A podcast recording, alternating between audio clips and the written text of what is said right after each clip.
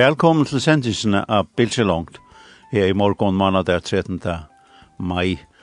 Vi her i stovne, Preben Hansen, og Jekvann Sone Danielsen bjør til kun hjertelig velkommen. Vi gleder oss til en halv time sammen til kun, og det kunne eisen lovtaka vi kjensen vi har sendt en på inn av sms 2.13.24. Alt er velkommen, kanskje du ikke er et kanskje har du et tipp om en god gestur som du heldig vi har haft avhua for at her historien, det kunne være. Men uh, du skal være hjertelig velkommen i Øtenføren.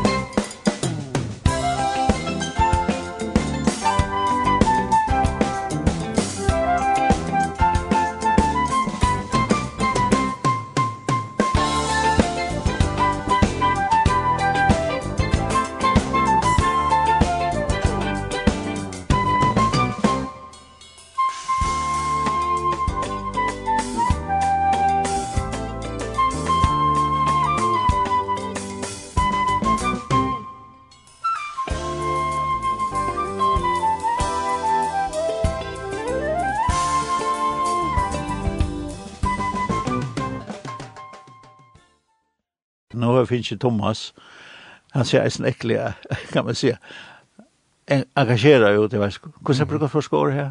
Jeg vet ikke, grip, nei, jeg vet ikke. Engasjerer, Ja, ja, det er også første året. Det er også for året, ja. Han skal bruke alt, vil man ikke. Ikke rett? Ja, han har en sang som hadde her, ja, ja. Kurspartiet, det er så, det er jo som det kan komme åk, altså. Ja.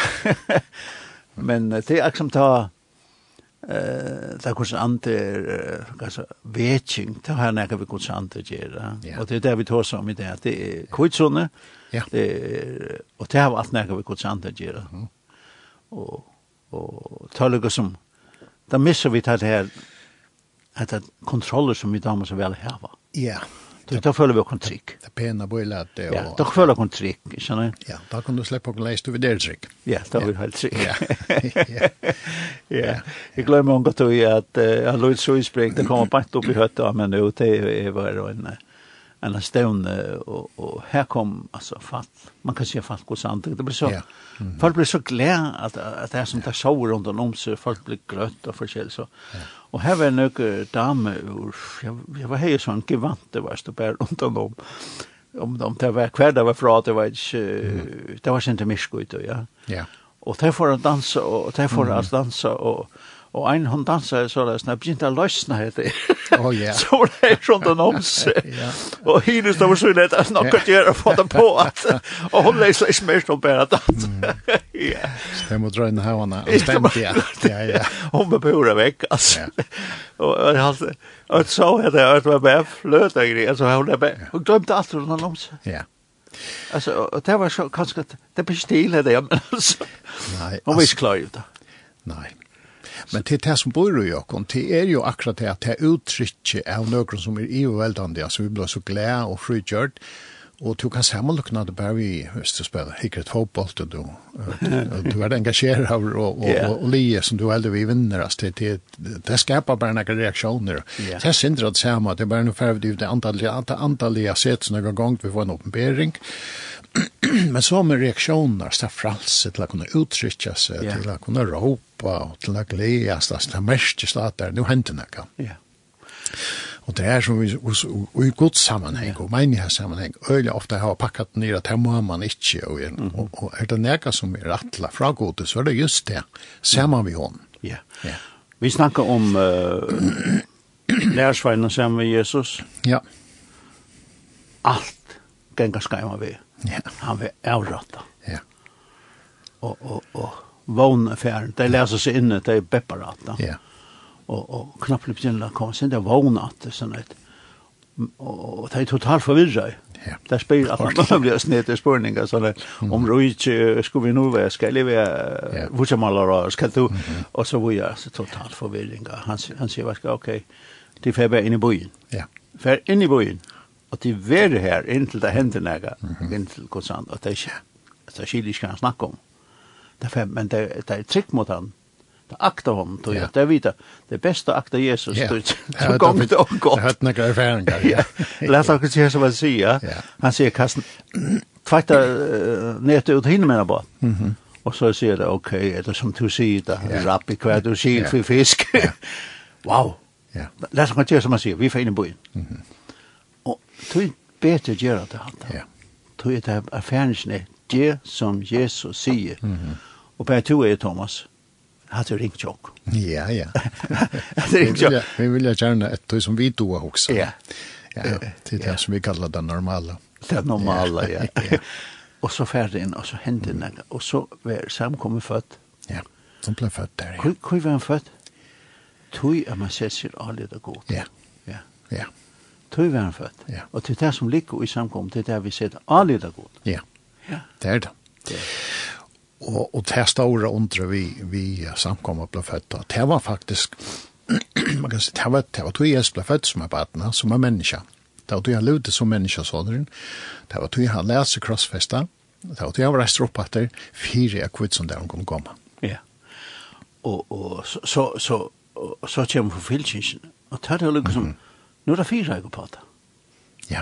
Det er ikke jævla gode det, det er. Nei, nettopp. Nei, nei. Det var øyelig forvekst. Ja, den var det. Ja og, og vi tror ikke en, en blåvittne ved beina ved Stefano. Så, mm -hmm. yeah. Og så var det spjatt om alle, alla kan man säga alla alla vittnen ta alla stjärnor i världen och vi vet att det var i Spanien det var i Indien. Bult snackar inte om det men men det pekkom det ja ja det är så så fakta. Ja. Ja. Men det har inte mycket vi ja. Det har mycket visse. Ja. Vad heter visse? Heilig antal det är allt det heilig antal ja. sån ja og, og han var nærværende da han søkte han. Ja. Um, Thomas ut i en ekne løyve. Uh, ja. Du er ikke født, du er ikke, du er ikke født kristen. Uh, Angen er født kristen. Angen er født kristen, nei, nei. Jeg var oppvoksen i noen tryggvandig heime, kan si, og så lengt at som jeg minnes til det første, eh, som jeg vet, eisen til som er fortalt, da. Foreldren kommer var jo i fresen her nå, mm Så her var mine første år, men det var så mye tullig at jeg minnes det ikke så vel. Så får det i kvitsen samkommet å ta, og her gikk vi som møter. Men for jeg gjør det helt stått ut i en søva, så, men for jeg gjør det helt stått, så må jeg si at jeg har alltid ått en langsel et etter sjolven av heile andan og til aluive som heile andan er spekler ut. Man så eisne heile andans manifestasjoner under vetsing og øren. Det var, det var så langslett å oppleve nega, men jeg dodde ikke ordelig grøypa det. Og sjolven hadde kjent i heile andan, andan men tungetala og slukta, så det er at det er at, at, at selv om jeg så kom av er en kvitsensankomme, så blei vi til at det er nok så formalistisk, altså i munnen yngre døven kan man si, om jeg var unger, da var det ofta några bestemt og i samkommet som hette tungetale og utlägging, men det var bare noe få. Hinn hade det ikke, og det var bare om å få att man öppnade munnen och ja, att det skulle komme, men det kom inte. Nei eh, tanddagen, jeg tar jo vittnas øyl ofta, tanddagen ta jeg vakna jeg sunnemorgon i november og i nødje fors mm. vi er når på inne og måtte jo da sjukhuset og fikk jeg vite at jeg kreft ta kom eh, tann som ta var komna vi tjokken samkomne, eller vera tjokken samkomne, Kors Kristensen, og ta seg inn i mitt liv ta møtte jeg hele enda. Mm -hmm. Og han fyllte sånn ek, at, og tillykkst han dimensjonen av hele enda, han fyllte sånn ek ved kreft og alt det som annars ble sagt, eh, til for at rom, nok så vel at rom. Kan si, altså, du, du kunne...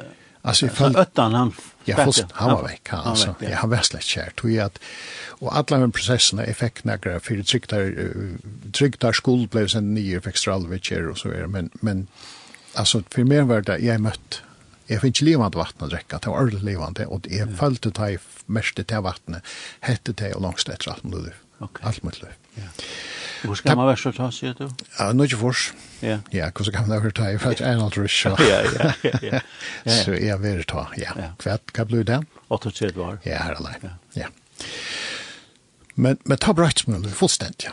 Ja. Og fra tog det jeg ble omgang til å se meg etter og jeg opplevde det positivt, omkring helt ganske det kjellet, men det Men uh, ta så i størrelegan og i at kunna uh, være mer enn det som traditionella uh, samkomløy som, som vi annars ofta opplever, At, det skal være, man kjenner alt, man kjenner sannsjoner og innlæring og bøn og vitsbord og en del, og så ender man atter fra man heim og slipper man å gjøre. Men heilig anden, han flyter alle disse grensene, och han är som vatten som flyter och ränner och skapar nya vägar och skapar nya tankar. Och jag minns gott här togena, ta upplevde ta en grar var fjæren, vi opplevde bare det fornøydelse, og alt det fantastiske som er. At jeg sett meg så størst fire, jeg vil aldri atter til det gamla, men jeg vil mer til, jeg vet meir til, og jeg vil alltid strempe alt etter, og jeg vil strempe etter å få mer. Og det har vi gjort. Ja. Lykke til det. Ja, og det var så det er en opplevelse for meg Det er fann jeg, altså. krabba meg hei du, ja. og det var fakta. Ja. Du kunne lese journalen, ja. du kunne så bøyla det, og så var jeg, så var Ja. Men det var ikke det som vi er.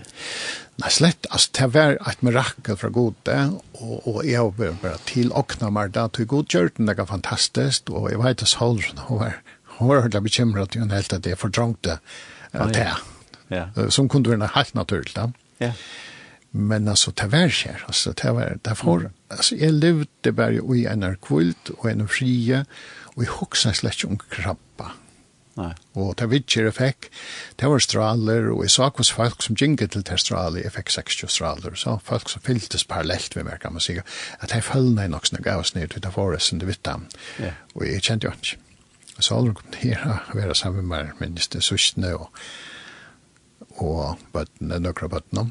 Og det var, uh, altså, jeg vet at hun har ordentlig bekymret til at Alltså Maurin, han, han är slett kär, alltså han lever grästan, han heter helt eberkvast. Man tröstar det bara nira, och jag vet att om heimat så ser jag jordbörsk över med att om jag har haft en depression att det det nej, nej, men det måste vi fyrräcka på att hon kommer. Ja, de har fått några tabletter. Ja, ja, det hon sitter, det är. Men god kört att hon inte värskar, jag har en depression, alltså det är vad jeg var liksom leiser av det. Det var altså krabben og sjukan var nekka som, og jeg visste jeg ikke, jeg var, jeg var blitt grøtter, altså jeg tatt ble sendt nye til at det var bengelig for det kom til å sprette seg, og, men her var det ikke. Nei. Og jeg visste bare, jeg var frisk. Ja. Um, det, det er jo fantastisk å oppleve sånne ting. Ja, det er det, og jeg vil så engst at alt kom jeg smakka til hele andres dimensjon som jeg har, og enda mer enn til at jeg har, jeg har smakka nekka, men til nekk mer, ja. Og hele anden er som du sier, han er så frikjærende, han er så gover, han er så stårer, og flyter alle grenser, og det er så bokstavelig, så det som Paulus skriver, det er her som anden er, her er frals. Ja, ja det, det, det må man nok si. Det, ja, det er det, ja. ja. Um, Thomas, uh, uh, hele anden har jo ikke visse. Det, det, det, du, du vet nog om glädje fri. Ja, ja och det var vite. Ja. Alltså. Ja, ja. Vite ser det det, det, men ja. men han får pom. Ja, det vi klarar det också. Där så vi der, ja. Ja. Ja. Så uh, jag vet det. Det är roligt. Ja. Jag ska jag vet det. Mhm. Og du slapper helt av. Ja. Og det blir at alle har spirolen i middel, du skal bære i eit. Ja, jeg fikk omkring tabletter at jeg kan fyre te og te, og jeg brukte omkring til nekra. Nei. Til nekra. Nei, altså. Kvars, så sier jeg kvars. Det finnes nei jo. Nei, helt ikke det likamlighet. Det er så at det er sentralt vi kjenner ta. Ja, men du kommer å få diarré, og du kommer å få kvalma, og du fikk her nekra tabletter, så kjøtt og føl, det er så bruker det av hesten. Jeg fikk omkring til diarré, jeg fikk omkring til kvalma. Du tok omkring til tabletter? Omkring til. Og der spurte alle helst, har du tidst? Nei, nei, jeg vet ikke, det spurte dem ikke. Nei, det vil lukke vidt. Men, men, men det var det, altså, ta pum. Ja. Det kommer noen vi som er pum. Ja, men bokstavlig, så teker jo hele anden av til himmelska, av dørtene og tilfører til okkar lov. Ja. Og det er jo en dimensjon som vi slett ikke kan forstanda, men vi kan oppleve det. Ja.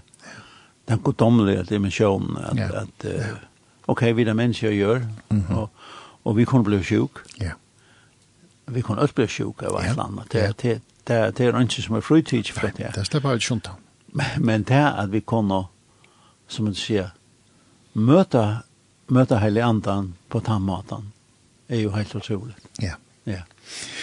Det, det er simpelthen så Og så er det at jeg er ikke nå nu, forteller jeg etter, nå er vi livet så snakk var, samme hele antan. Men det er jo en prosess at la tøyene, ja. og då er det at det blir bedre og bedre og meira og meira det er alla tøy en veksant, altså livet du her, så er heile anden alla tuina tilførande tøy god er og god det godomlige er så størst at du forlanger det alt på en gang, det kanst du ikke. Nei. Men du kan alla det veksa og veksa og veksa og veksa.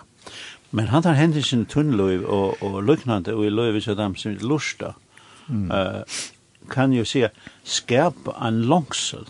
Ja. Yeah. Altså, ja. Yeah. Uh, åh, oh, jeg vil yeah. hava hetta. Ja. Yeah hatta var det som er godt i mun løyve. Hatta gjerne jeg for meg. Jeg må hava hetta. Ja, akkurat.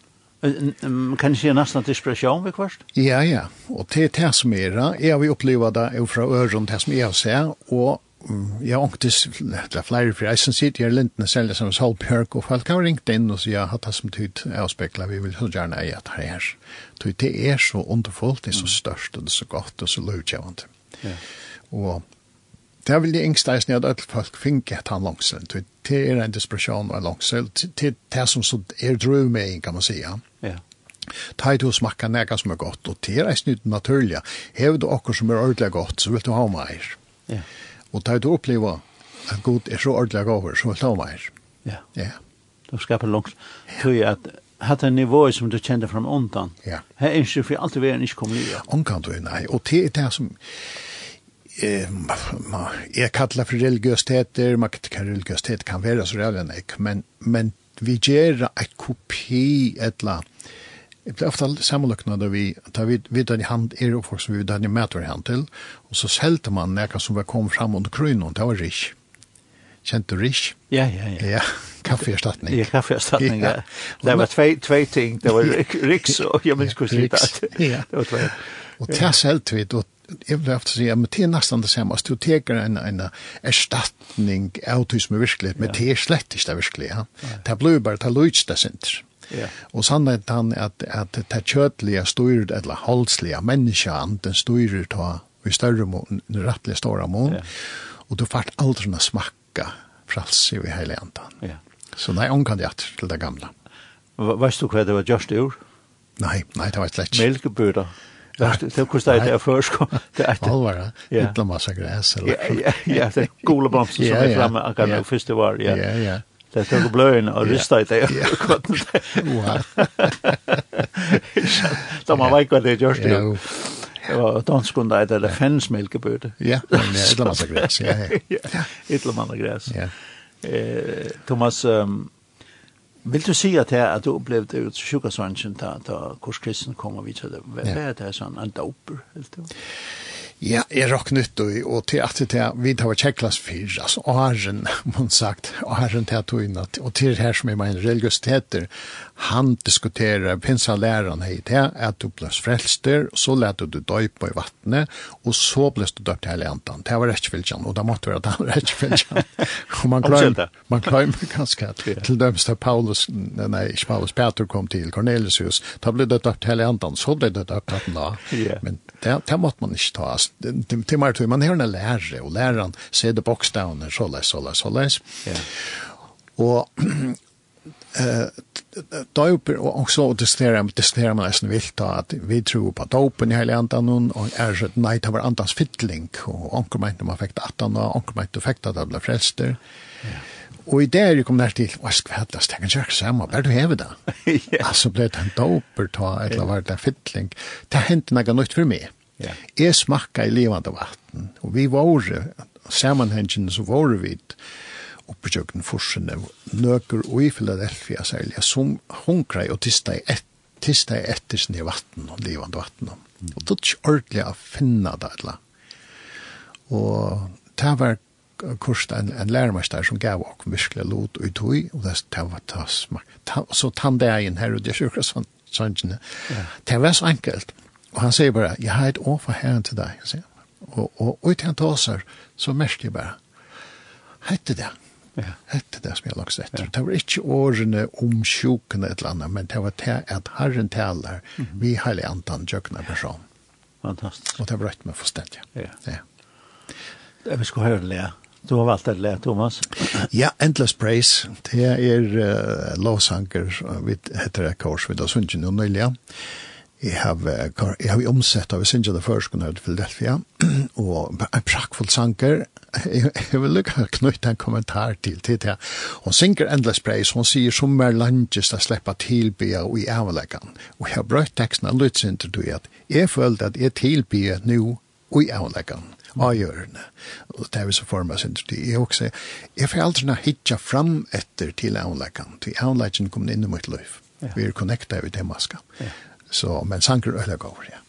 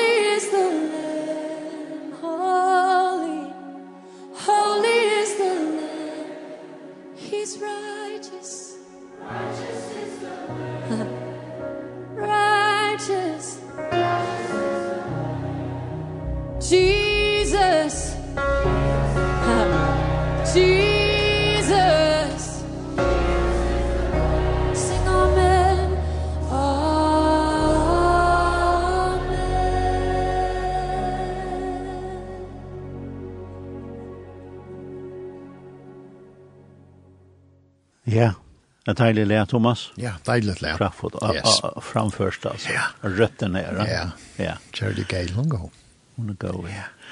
Endless praise, alt du. alt var av, ja. Endless praise.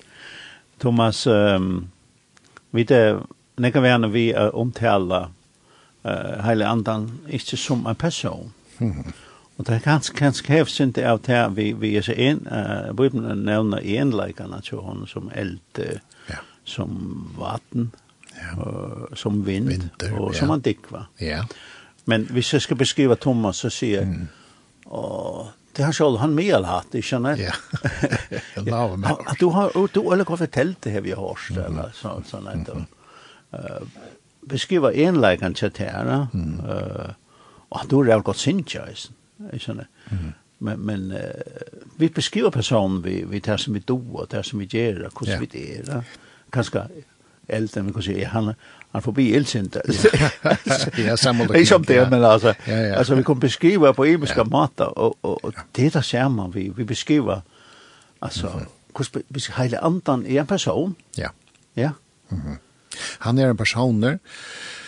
Og det minst, det var et av de uh, viktigste tingene vi, vi liksom fikk undervist og ble trenet til ta, og, og så sier han, og i fornøyelse som vi lovte ta. Det var att snacka vi hela antan. Jeg minnes det vel at uh, fyrre tøyene, altså, at det var nå snakker jeg om fyrre og, og atan av, og til liksom etter opplevd som jeg er Og arent, så var det liksom det at man, man måtte ikke tilbe hele andan, det måtte, det var bare Jesus som måtte tilbe, man måtte ikke tilbe hele andan. Og så knappelig, så, så liksom at han også alt det dreier så opplevde han hele anten. Han er jo god, han er jo Jesus, han er god feir, god soner, god hele ante. Mm -hmm. Så jeg tilbyr hele anten, vi tilbyr Jesus, vi lovpryser Jesus, vi lovpryser hele anten. Knappelig ble personeren ikke til å være et begrep som er til og til, men en personer som er sammen med meg. Og det er bokstavlig det som Jesus sier vi lærer seg innan. Han sier, det er ikke til gagnes, det er der, han begynte virregget på hans færre, og der klarer jeg slett ikke rom, og det er et så stor sorg, og forvirre et totalt forvirre. og han sier, men det er ikke til gagnes, det er for borster, det er for borster, så skal jeg sende en annan talsmann. Og tanntalsmøren for at seta, seta den i okkar kontekst i det, til han som kan være i Kina og i Førjon og i Israel og alle stedene samståndes, Jesus var fysiskt ein personer, mm. og som bare kunne være eneste enn. og, og tog er det fenomenet at vi da finnes en person som kan være alle stedene, og som samståndes bor og i mer, og som vi kan ta seg vi, til en dimensjon som vi virkelig har bruk for å komme, at, at kjenne og at leva sammen vi, eh, tog øyelig ofte blei det til at vi bia Jesus. Vi vet at Jesus er himmelen, og ja, han skal komme inn i hjertet, men han som er stor, han passer ganske sin hjertet, men, men, men det blir så begrep, altså, det blir noe som er så lengt vekk, og som vi da lukker vel, halda fast ut i, han kommer og hjelper oss. Men hele anden er her, og jeg kan snakke vi han. Nå er han talsmæren som bor kommer, og som jeg kan snakke vi, og som eisene vil snakke vi med. Mm -hmm. Så vi kunne merke hverandre og til at, altså, i ötlun omstå, til at jeg kom i oman her og prater vi til, ja, men så er vi bi heilig andan, heilig andan, du har alltid vim mer, og, og vær tjamer, og, og, og, og tilfør to år, tilfør to tankar, så jeg kan huksa, og være inspiration til glede, til liv og oppbygging. Så altså er han en person som fylser okken, og jeg husker, det er noe som kristenheten i hele tiden har så nek bruk for. Ja. Ja uh, utan apostolska trogajåtan mm -hmm. som uh, den förska folkakyrsa som brukar. Ja. Här brukar man god färgen och god sonen. Men heilandan så bara heilandan. Man, man, man ja. behöver ju personsbeskrivelsen vi Nei. här. Nej. Och det här man kan undra mig. Ja. Uh, ja. Tog vi ser en tro i en god. Ja, precis. Det ser vi. Ja. Uh, och, och, och, som vi ser snacka om nu. Mm. Så, så undrade man också när att, ja. att den apostolska tro inte hevet här. Ja vi er slå fast at det er en person. Og to oppstender kanskje ikke bare jokken til, men forskjellige andre ting. Ja, ja. En forvirring om at det er et eller annet fluffy, et eller annet bob opp. Altså, ja, det er noe mystisk da, og, vi kunne ikke ordentlig snakke til noe som vinteren, ja, det er godt dømme, og han fer ganske som uh, er skudg ferrande i ångstene, ja. ja. så opplever vi den knapplig han dett nere folk, eller akkurat noe. Ja. Men det er, jeg har vidt av sånn jeg bruk for å konkretisere god heilig ante. Ja er tjamer, og han er mye talsmøver. Vi opplever øyene, jeg halde jeg generelt, at standarden er liksom at han er okkur mystisk, og til man ikke forstendet ordentlig, så leder man bare være ved å snakke om det. Ja. Men Jesus og god, takk henne for alt dere til. Ja. Jeg sitter han møte uh, nå en dag, og så spyr jeg hele andan. Og jeg ber en avhør, ja. som, som et land her. Ja om grann at tala om musikk og så ja så spelar jeg hela andan Er det nekka her inne som jeg kan gjøre rock fyr? mhm Det bare ja. en samråd i hele landet. Ja. Og så hykker jeg og person, og så, så sier han, hon hever rekkelig høy på henne. Mm -hmm. Atonk. Nå, det var hva verst. Ja. Kan så sørst gjøre jeg kan måtte prate med henne. Ja. Det er jo det hun ikke først. Ja. ja, hva hendte? Ja. Jeg får hun prate for knappt stenten gentan her. Ja, nemlig. Og jeg spyr henne, kan det hukse seg at du vil kvarst hever nok som ikke høy på henne? Ja. Akkurat så lest, jeg har rævlig høy på en ævå at det kommer ordentlig ekkvislitt. Nå, sier Ja. Kan vi ikke bli for det? Ja, nemlig ja. Ja, så er kona bli for henne, og så sier hun at hun, åh, jeg følte et eller annet. Jeg var simpelthen kom ned i rannet, jeg høtte sammen i øksen. Ja. Åh, tusen takk for henne. Ja. Og jeg sitter bare og prater ved hele andre. Ja, ja, nettopp. Og jeg er nål, for jeg sier akkurat meg. jeg. Jeg er bare prepen, men hele andre han ja. hever det. Det er det. Ikke sant? Jo. Ja. Han hever det. Og så tar han ikke, yes, godt og gaur. Ja. Og det er det, det er det er god skaska. Ja. Det er god skaska, og det er den dimensjonen som vi nøyest her var for jeg kunne leva, det godomlige løyve. Ja. Det er hele andre som livet til løyve i okken, og til ressursene som vi kunne dreja fra. Og vi nevnte Johanne at han, hele andre teker av til himmelska, ja. og han tilfører okken. Og, og tog er hele anden, altså han er samanligla personer. Tror Troi einden er sjående, og god og feiren, og Jesus, kongeren tjåkon, og hele anden, der er i eit, men det er hele anden som bor i okkon. Ja. Og det er han som ber okkon alt det som god er og hever til okkon. Yeah. Og han er sånn underfull personer at her og visse er løven. Ja. Og et godt spørsmål, altså, kunne er det? Mm -hmm. For forholdet heile anden? Ja. Ta så vi han? Ja. Yeah. Bitilan? Yes. Altså, ja. Guds ferie, ja. Guds sonen og Guds heilige anda. Ja.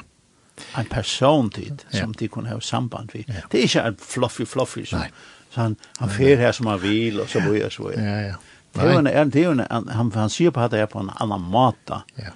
Det, det er ikke, det tror jeg det er ikke konstant. Mm -hmm. Det er avhengig av det. Ja. Ja, ja nemlig. Ja. Nei, det er, og det er, um, Ja, en god början till dömes för han som kanske uh, inte är så vän vid hästingen. Det är inte att snacka med hela Begynne å prate vi vid honom och säga och istället för bara Jesus, nu blir det då min hela handen är eisen bia och ta vi vid till hela handen. Ja.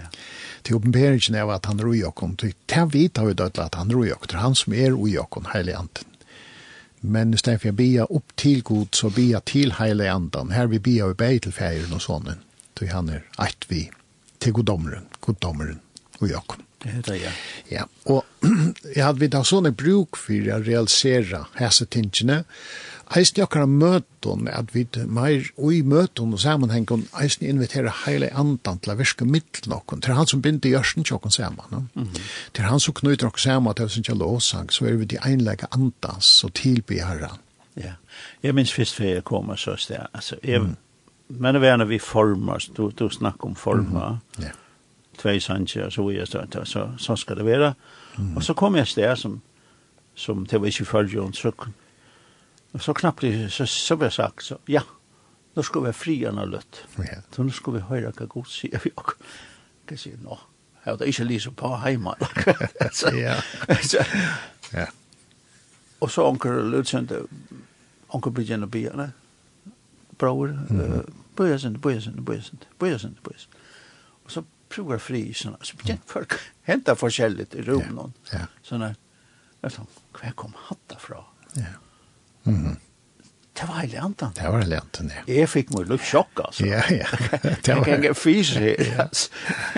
Ja, ja. Så ja. Den frier, altså. Ja. Og, og det er tåra. Ja. Du, vi tåler ikke tøknen.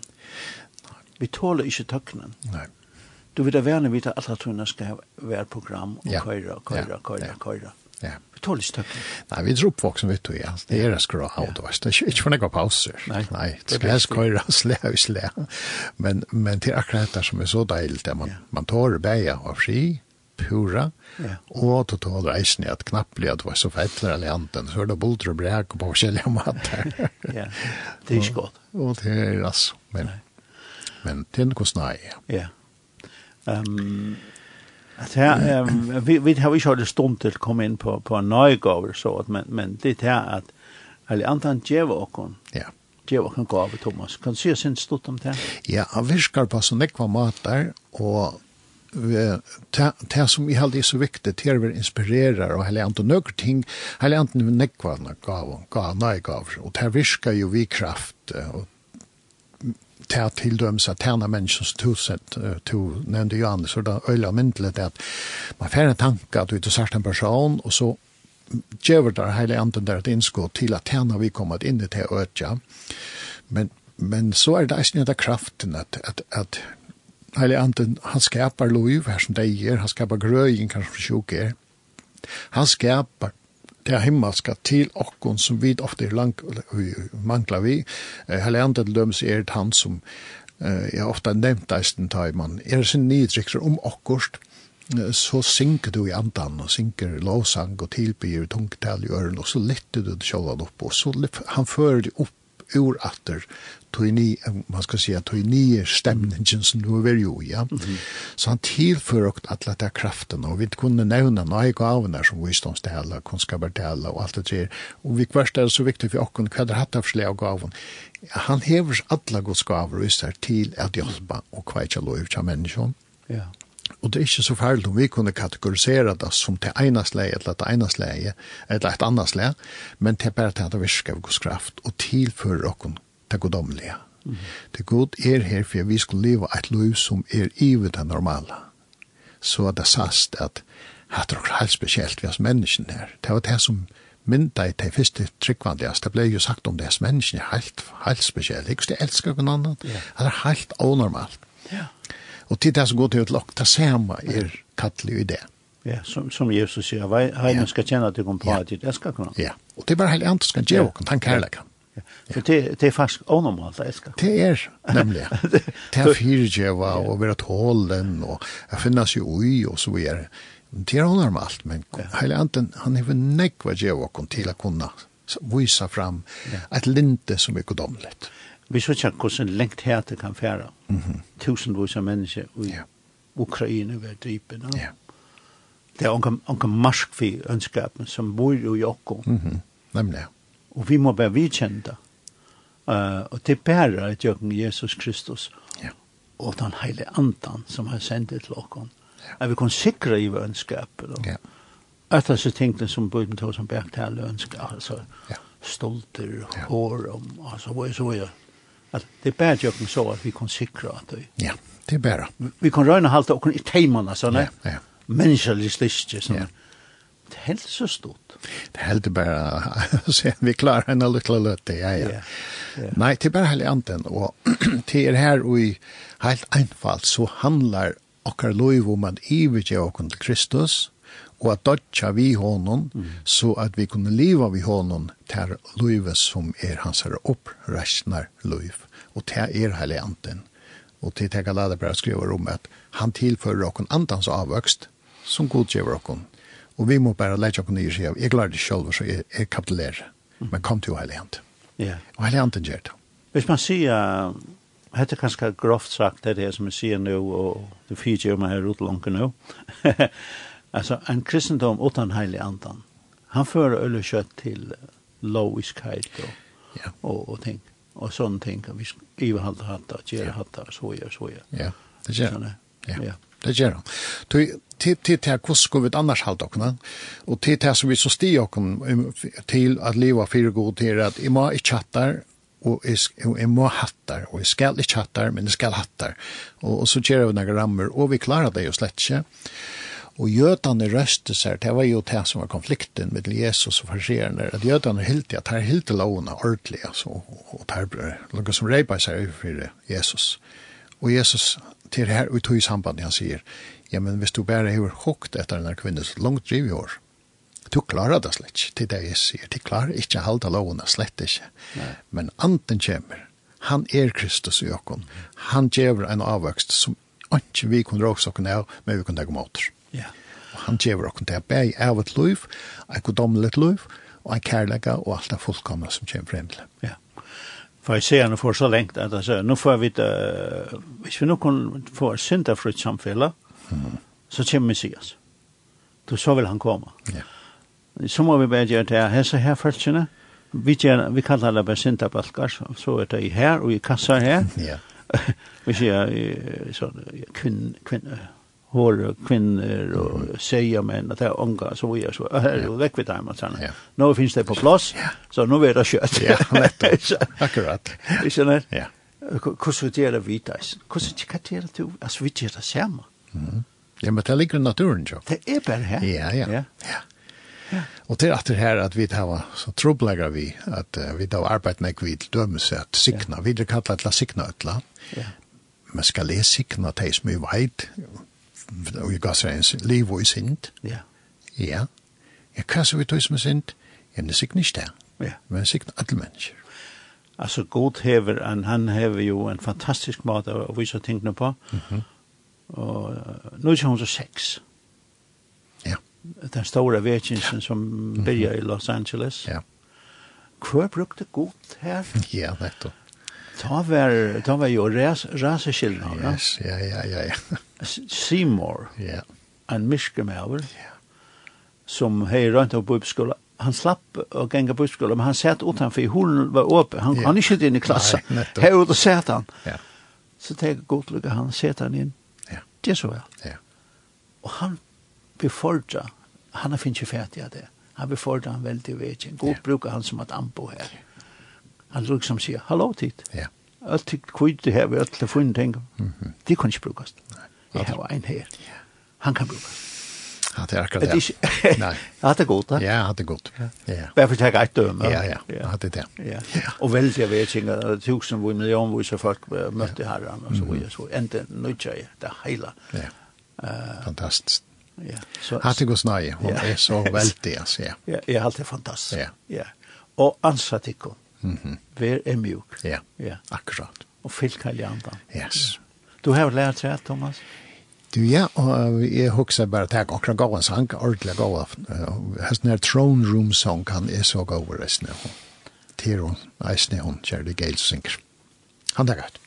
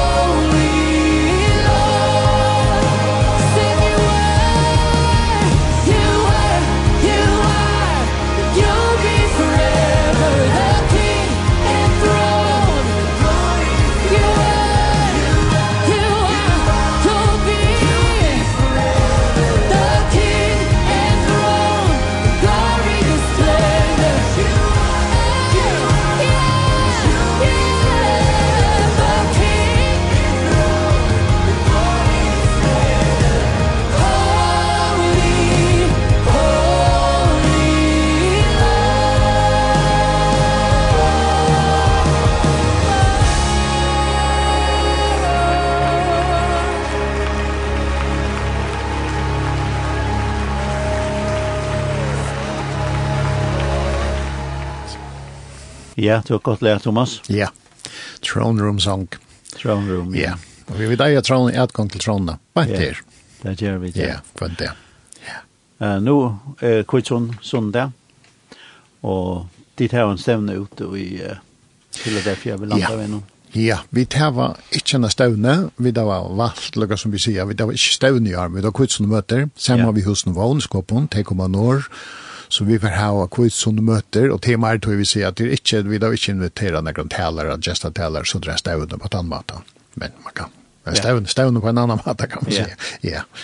Så så och vi plejer alltid att börja frisha kväll. Det är så inte nu. Vi kör att vi plejer att börja frisha kväll där vann det och så ändar vi som kväll där skvitt som kväll och så där. Liot andra kvitt som det så på skit men nu väntar vi det vi startar läger kväll och så ändar vi morgonmöte andra kvitt som det.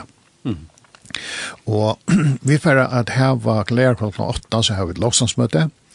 Det her føler vi til et et av hattarpunktene til at tilby og prysa her ansen. Det her var lovsangskvöld. Sånne dagen så har vi et morgenmøte som vandrer kl. 11, og at han og at han til morgenmøte så har vi døvra sammen. Der skal man tilmelde seg.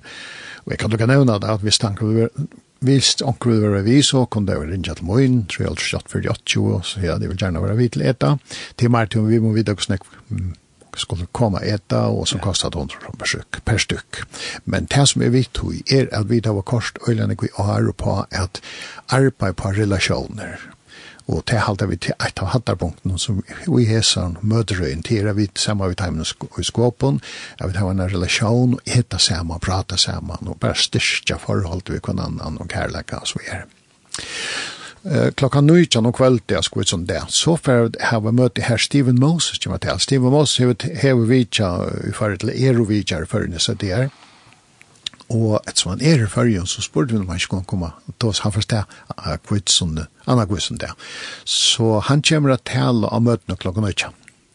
Steve Moses, jeg vet ikke om flere, jeg råkker vi flere kjenner han, men han har hatt møter og løs og ordentlig utløms, og, og skal eis med sjore.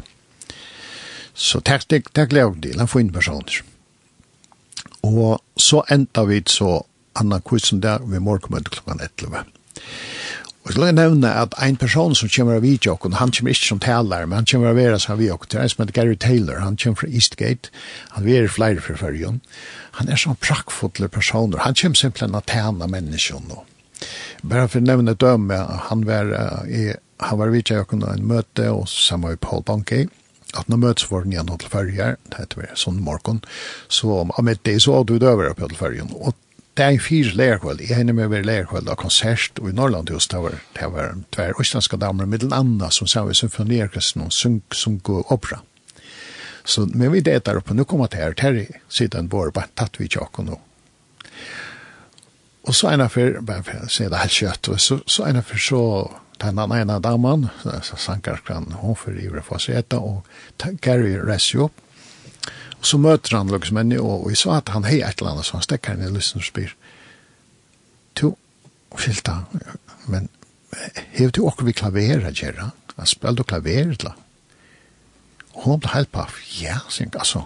Jeg jeg er i fyrjen her til jeg var rundt, men, men, men mitt erst gjør at om du viser vi klaver og så det. Hvordan vet du det? Nei, sier han, jeg tog så god spurt han om han kunne gjøre om et eller annet eller tog inn.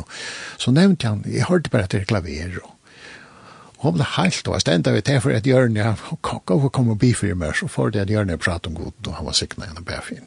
Og, og det er så klassisk bøyla at vi snir, Gary. Han er simpelthen så prakkfotler. Det er jo godt. Ja, så han kommer over i middelen nok, og det er bare for jeg nevner at han er så elskelig personer, og så, og så filtrer han, han tæner mennesken så prakkfullt. Ja. Og med vi tar som Kutsholm, jeg skal jeg ja. nevne at Kutsholm møter vi eisen i uh, Megneshus her i Havn, mm og til vi ensom et Hans Ole Bækgaard. Og jeg kjenner ikke alle togene, jo, det er, um, hvor er nå? han blir langt og frysja der, ja. den tria. Mm -hmm. Og så klokkan halvkon åtta, og så er det, så er det halvt det, uh, flere ånd tog, men ferne heima så en kjært heima, eller Facebook så en, så finner det. Mm. Og her er eisen, en kunstnarstevne i, i Betelvaje, i Soria. Ja, det er Betelvaje. til. Ja. Så takk for Thomas at, at du kom. Ja, og ikke takk. Ja. Og vi enda vi lærer her i ditt angstingsljus, det er Vineyard Nordics Worship som framført her.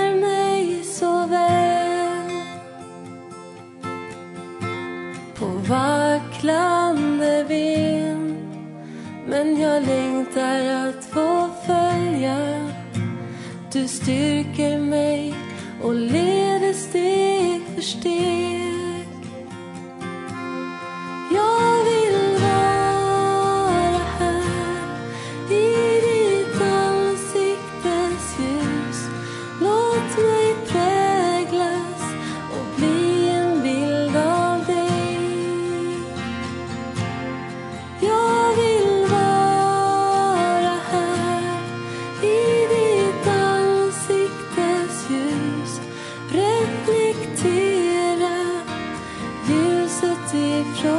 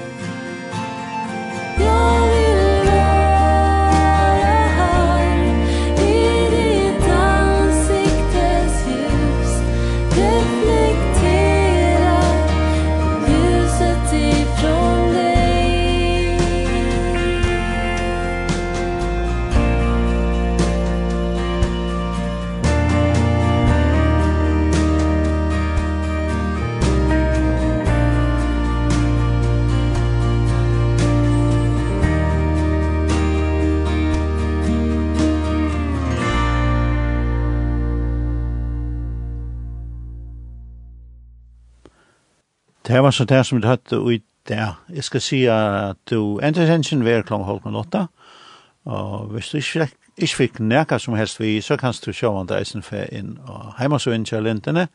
Her er, en, en ligger en podcast, og du kan eisen finne Spotify, og her finner du også eisen sendelsen fra i der. Så vi er her i stovne, jeg kan se om Deinesen og jeg Preben Hansen sier takk for det, og her hev en gående der.